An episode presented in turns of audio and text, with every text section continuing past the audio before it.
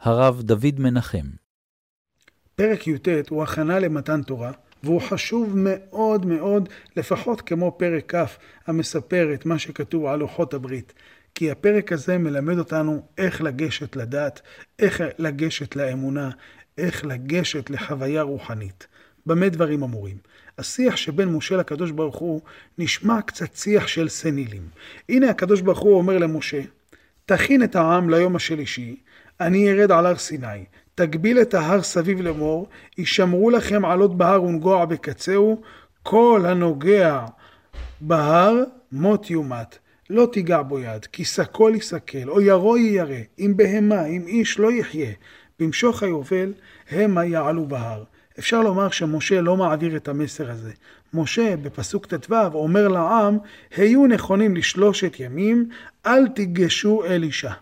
ואז ביום השלישי, קולות וברקים, ענן כבד על ההר, קול שופר חזק מאוד, ויחרד כל העם אשר במחנה. ומשה מוציא את העם לקראת האלוהים מן המחנה, והם מתייצבים בתחתית ההר. הם לא מתכוונים לעלות, הם מתייצבים בתחתית ההר, אף על פי שמשה לא אמר להם שלא יעלו להר סיני, אנחנו רואים שהם מתייצבים, עומדים אכן בתחתית ההר. אפשר לראות התמונה הזו, כפי שהסברנו על המן. הם יודעים מעצמם לא לעלות, אף על פי שמשה לא ציווה אותם. אבל אפשר גם לראות בתמונה הזו שהם מתייצבים, הכוונה מתייצבים ומוכנים לעלות להר. הם מוכנים להתאבד. הם רוצים חוויה רוחנית מיסטית שגורמת לעיינות, גורמת לאדם להיות עין, מוכנים להתאבד כדי לשמוע את דבר השם. והר סיני עשן כולו, מפני אשר ירד השם באש, ויעל עשנו כעשן הכבשן, ויחרת כל ההר מאוד. כל השופר הולך וחזק, משה ידבר, והאלוהים יעננו בקול. ואז השם יורד על הר סיני, והוא קורא למשה אל ראש ההר, ומשה עולה לבדו. ויאמר השם אל משה, רד העד בעם, פן יהרסו אל השם לראות.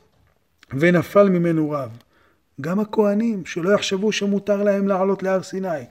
אפילו שהם רגילים לגשת את השם, הפעם יתקדשו, יעמדו על עומדם ולא יעלו, פן יפרוץ בהם השם. מה אומר משה? הוא עונה לקדוש ברוך הוא, הכל בסדר, לא יוכל העם לעלות אל הר סיני, כי עתה העדות הבאנו לאמור, הגבל את ההר וקידשתו. אני סידרתי מחסומים למטה. ויאמר אליו השם, לך רד, ועלית אתה ואהרון עמך. ושוב פעם, והכהנים והעם אל יהרסו לעלות אל השם פן יפרוץ בם. וירד משה אל העם, ויאמר עליהם. וכאן, הפרק הבא ימשיך את עשרת הדברים. מה יש כאן בסיפור הזה? למה זה חשוב כל פעם לומר להם שלא יעלו להר סיני? עם ישראל נמצא עכשיו במבחן גדול מאוד, מבחן של התאפקות רוחנית. ההתאפקות הזו היא הפך מהמידה הטבעית של ישראל. הטבע של ישראל הוא לשאוף מעלה-מעלה, להשגות רוחניות עליונות, להשיג קרבת אלוהים בדרגה מקסימלית, כאן ועכשיו, לראות אש בוערת ולקפוץ לתוכה. מעמד הר סיני מלמד אותם שאש קודש היא חשובה אמנם, אבל הידיעה מתי לעצור היא חשובה ממנה. איזה הוא גיבור הכובש את יצרו. מי שפיתח את הרעיון הזה, הרב נפתלי צבי יהודה ברלין, הנציב, בכמה מקומות הוא מסביר את זה, שצריך להיזהר עם הלהט הדתי שהוא עובר את מידתו.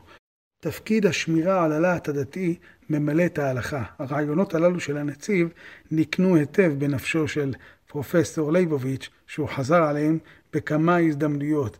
הקדוש ברוך הוא, אומר הנציב, מזהיר את ישראל שלא לפרוץ אליו. גם בספר ויקרא נאמר, זה הדבר אשר ציווה השם, תעשו.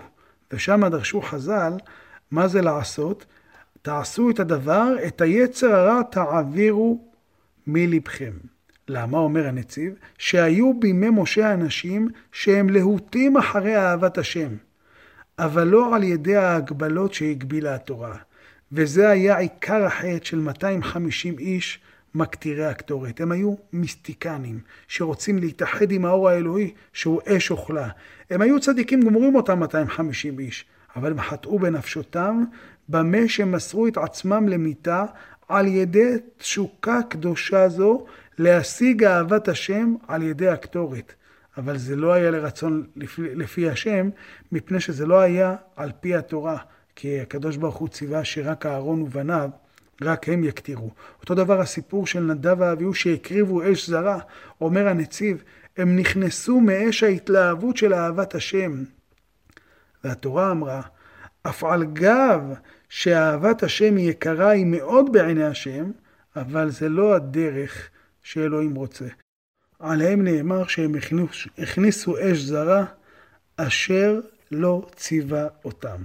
לתפקיד הזה, להגבלת הלהט הדתי, באה ההלכה. לצקת את אש הקודש למסילה קפואה וישרה.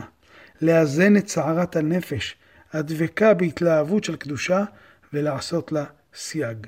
זה היה שיא הניסיון של ישראל. זה היה מתן תורה. לדעת איך לקבל את התורה. זה ניסיון שעומד בניגוד להתלהבות שלהם, לשורש הנשמה שלהם.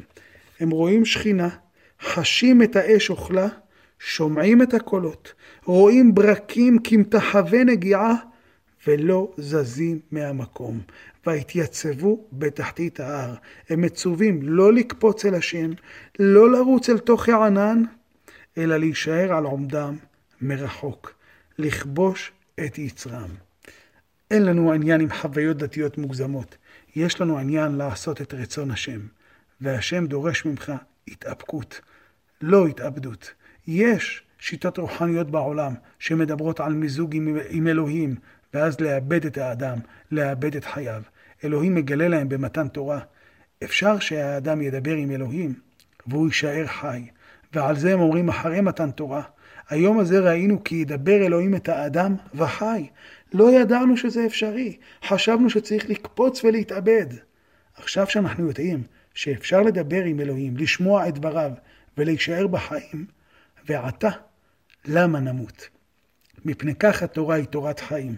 זה דבר אלוהים לאדם, והאדם שומע את דברו ונשאר בחיים.